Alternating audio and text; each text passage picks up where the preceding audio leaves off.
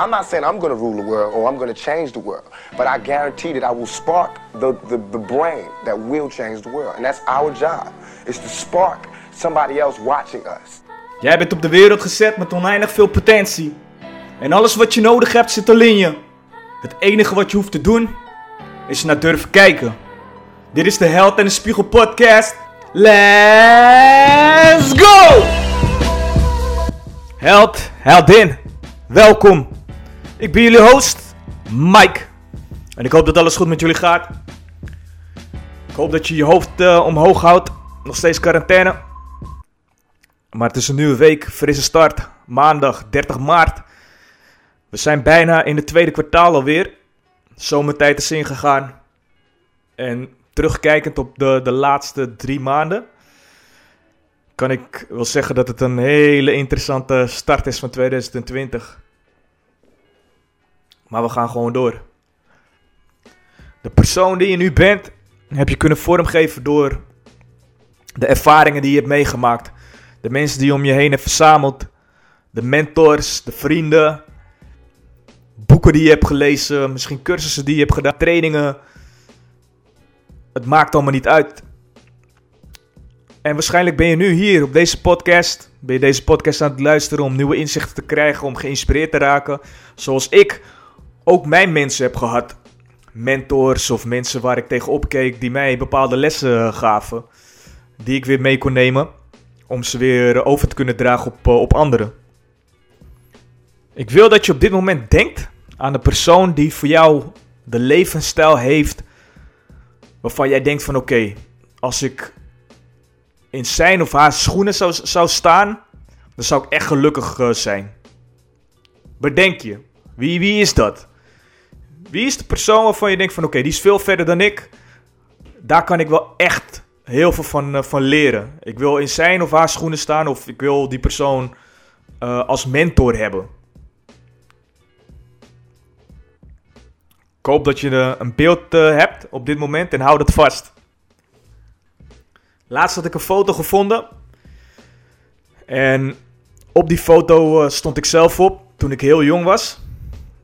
En mijn tanden die kwamen pas, pas door. En ik stond op een, een blok met een grote 1. En links van me stond de jongen op een blok met een grote 2. En rechts van me stond de jongen op een blok met een grote 3. En ik kreeg een, uh, een beker, een trofee kreeg ik aangereikt. Het was namelijk dat ik een judo-wedstrijd had, had gewonnen. En judo heeft ervoor gezorgd dat ik zelfvertrouwen had gekregen. Dat ik wist hoe ik mezelf kon verdedigen. Maar het bracht ook het competitieve gedeelte van mij, uh, wat ik nog steeds in me heb, um, bracht het naar boven. En het is een soort van uh, blauwdruk geweest voor, uh, voor de rest van mijn leven. Ik was jong en ik keek op tegen mijn sensei. Hij was de persoon die me had geselecteerd voor ehm, de selectie. Ik was de jongste, ik was de lichtste, maar ik mocht overal mee naartoe, door heel Nederland, om wedstrijden te spelen. Ik trainde drie keer in de week. En wat hij, um, wat hij me leerde, was zelf ontdekken, hoe ik uh, van mijn fouten moest leren, maar hij gaf me ook de inzichten om dingen beter te doen. Hij straalde rust uit, hij straalde kracht uit, hij was streng maar rechtvaardig. En ik weet nog goed dat ik een opdracht kreeg vanuit school. Van schrijf aan de persoon die jouw voorbeeld is een brief. En vertel uh, hoe erg je hem waardeert. En toen heb ik naar hem een brief geschreven van ik wil ooit wil ik, uh, judo wil ik, uh, wil ik worden dankzij jou. En ik was nog jong. Heel jong, maar keek tegen deze man op. Jaren verder toen ik een jaar of twintig was, toen kwam ik uh, bij mijn eerste bedrijf waar ik, uh, waar ik ging werken. En vervolgens werd ik leidinggevende. En ik was blij en ik had nog geen idee wat ik eigenlijk uh, moest, moest doen. Maar wat ik om me heen zag, waren leidinggevenden waarvan ik dacht van nee, zo wil ik het niet doen. Een slecht voorbeeld puur mensen die het deden vanwege de titel en de functie en de privileges. Om beter te worden en het beter te hebben voor zichzelf dan voor, eh, voor anderen. En wat ik begon te doen is, ik begon boeken te lezen. Ik begon me te verdiepen. En ik deed alles eraan om mezelf verder te ontwikkelen als, eh, als persoon. Het werd een soort van obsessie. Ik kocht boeken. Ik las. En ik wilde het meteen implementeren. En ik weet nog goed dat ik van teamleader naar supervisor ging. En ik baalde. Ik baalde dat er namelijk niemand in de organisatie was die me verder kon helpen in mijn ontwikkeling. Er was voor mij geen sensei. Totdat ik wakker werd geschud en zag dat mijn collega's die onder één manager vielen, op een gegeven moment zelf gingen doorgroeien en ook manager eh, werden. En toen dacht ik bij mezelf, hoe kan dat? Dus blijkbaar, iedereen die onder hem valt, die wordt manager. Terwijl ze niet beter zijn dan dat ik ben. Misschien klinkt dat heel arrogant, maar dat is wel het gevoel wat ik op dat moment had. Dus toen dacht ik, wat brengt hij dan wat andere managers niet hebben? En hij was continu bezig met hun ontwikkeling. Hij was continu bezig om hun beter te maken als het gaat om ehm, het managen van mensen. Mooie inzichten geven, aandacht geven. En ik wilde onder hem vallen en ik deed er alles aan om bij hem in het team te komen. Ik had heel veel gesprekken met hem, ik absorbeerde al zijn informatie. En ik zag hem echt als iemand waar ik uh, uh, tegenop uh, keek als het gaat om het managerschap. Ik had onrealistische verwachtingen en ik vergat bijna dat hij, dat hij zelf ook een mens was. En ik wilde alles van hem leren. En op het moment dat ik dacht van oké, nu kan ik eindelijk onder hem gaan vallen. En echt nog meer van hem leren dan alleen de gesprekken die we hebben. Toen werd ik zelf manager. En vanuit daar zijn we eigenlijk goede vrienden geworden. En is hij een van mijn beste vrienden op dit moment. Maar toen ik niet meer kon leren als het gaat om het managerschap. En ik kan nog steeds leren van hem, heel veel zelfs, als het gaat om uh, management en um, kijken naar uh, het strategische gedeelte van, uh, van heel veel zaken. Maar toen dacht ik, dit is niet wat ik, wat ik wil. Ik wil me verder verdiepen in mijn eigen ontwikkeling en wie ik ben als persoon. En toen heb ik hem, als het gaat om mentorschap, heb ik hem losgelaten. Ik zag hem echt nu als een vriend. En toen ben ik verder gaan zoeken. En wat gebeurde er? Een paar jaar geleden. Toen kwam ik bij een NLP-training. En deze man vertelde me dingen die ik nog helemaal niet wist. En NLP zorgde ervoor dat ik beter kon communiceren met mezelf, beter kon communiceren met anderen. Dat ik um, um, bepaalde structuren kreeg om mezelf uh, te transformeren. En ook daar keek ik tegen hem op. Dat ik dacht van wow, deze man is al uh, een stuk verder dan dat ik ben uh, in mijn persoonlijke ontwikkeling. En het is mooi te zien, daar wil ik ook op een dag staan. Dus weer zorgde ik ervoor dat er een onrealistische verwachting was. En vergat ik dat deze persoon mens was. Dus in zes dag, dagen tijd had ik de cursus had ik, volbracht. En ik had nu NLP Practitioner had ik, op zak.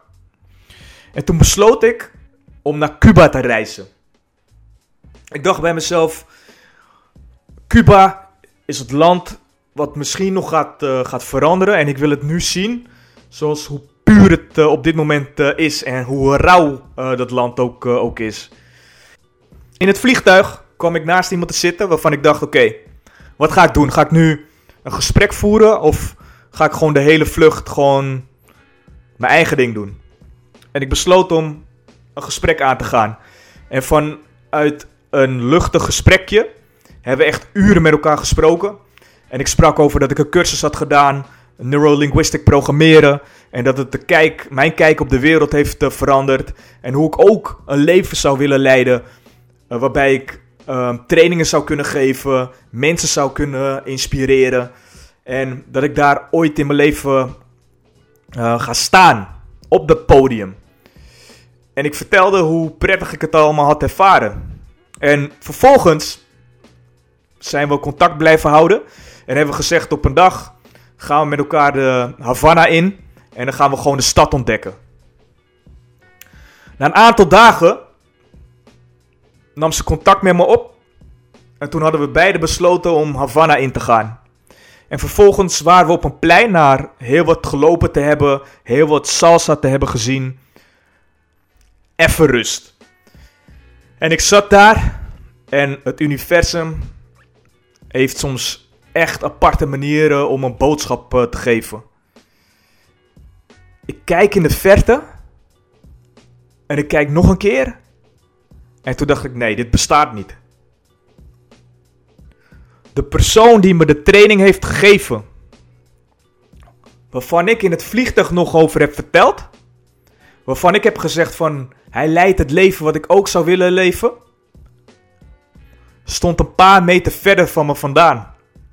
Met zijn vriendin. En ik ben op hem afgestapt. En ik maakte nog een grapje en hij schrok. En zijn vriendin zei: hey, wat toevallig en wat leuk. En vervolgens zei hij: Laten we wat gaan eten, laten we wat gaan drinken. We hebben de hele dag hebben besteed. En zo kreeg ik eigenlijk een realistische beeld van hoe iemand in het leven staat en wat hij allemaal doet. En het is echt een, geschenk wat ik heb gekregen van oké, het universum zei oké, jij wil daadwerkelijk uh, het leven van deze persoon. Kijk maar eens goed. En laat het allemaal lekker bezinken wat je ziet. En dan kom je erachter dat niet alles is zoals je denkt dat het is. Onrealistisch beeld heb ik gecreëerd in mijn hoofd. Ik heb iemand op een voetstuk heb ik, uh, gezet. Ga nog eens naar je opdracht. Waarbij ik vroeg van... Ga in de, voetscho of, eh, ga in de schoenen staan van de persoon... Waar je graag je leven mee wil ruilen. Of die je ziet als iemand waar je tegenop kijkt. Of die je als mentor wil hebben. Vergeet dat hele beeld. Als je de Boeddha op de weg ontmoet, kill hem. Niet letterlijk. Maar als je de Boeddha op de weg ontmoet, dan kill hem. Tony Robbins zegt: Ik ben niet je guru. Elk persoon die meer weet, meer informatie heeft, waarvan je het gevoel hebt van: oké, die is verder in, uh, in zijn leven. Vergeet het. Kill die gedachte meteen. Elke leraar, elke mentor, kill hem er zijn genoeg mensen, als het gaat in persoonlijke ontwikkeling, die doen, die hebben een aura, een uitstraling van ik ga je leven veranderen. Waardoor je op een gegeven moment tegen ze op gaat, uh, gaat kijken. En je creëert onrealistische verwachtingen nogmaals. Je vergeet bijna dat ze mens zijn, omdat ze zoveel mensen hebben geholpen. En dan, wat je eigenlijk aan het doen bent, is je bent de kracht die je in jezelf hebt, ben je vervolgens aan het, uh, aan het geven aan iemand anders. Neem de lessen die iemand je geeft. En alle hoop die je op een persoon vestigt, vergeet dat. Kennis is niet hetzelfde als weten. Dus iemand kan je heel veel kennis geven. Iemand kan je een training geven. Iemand kan je dingen vertellen. Alleen je moet het zelf ervaren. En die ervaring, dat kan je alleen maar doen door je eigen weg te volgen. Door op een gegeven moment je authentieke zelf te, te, te worden. Door alles wat je al in je hebt te laten, laten bloeien. Persoonlijke ontwikkeling is leuk. Al die boeken, dat is, eh, dat is leuk. Maar op een gegeven moment heb je zoveel gelezen. Je hebt zoveel trainingen gedaan. Dan stopt het. Op een gegeven moment, dan kan je niet meer. En dan vervolgens is de, de laatste stap. Alles wat je hebt geleerd, daadwerkelijk te gaan leven om je eigen waarheid te vinden. Dat is de stap die je, die je moet nemen. Als je je vast blijft klampen aan boeken, aan mensen die verder zijn dan jou, hoe leef je dan je eigen authentieke leven? De reden waarom je echt op deze wereld bent, uh, bent gezet, om je bijdrage te leveren aan een mooiere wereld. Ook nu, alles wat ik tegen je zeg, dat is mijn waarheid. Maar dat is nog niet de waarheid. Dus het is goed om inzichten te krijgen goed te luisteren naar wat mensen zeggen, boeken te lezen, misschien video's te kijken, cursussen. Maar op een gegeven moment moet je het allemaal toepassen en je eigen stem vinden. Een inspirerend leven leiden vanuit je eigen kern. En ontdekken wat jij te bieden hebt. Wat is jouw stem? Wat wil jij daadwerkelijk de wereld in, eh, in helpen? En focus je je daarop. Blijf groeien. Maak er een mooie week van. En peace!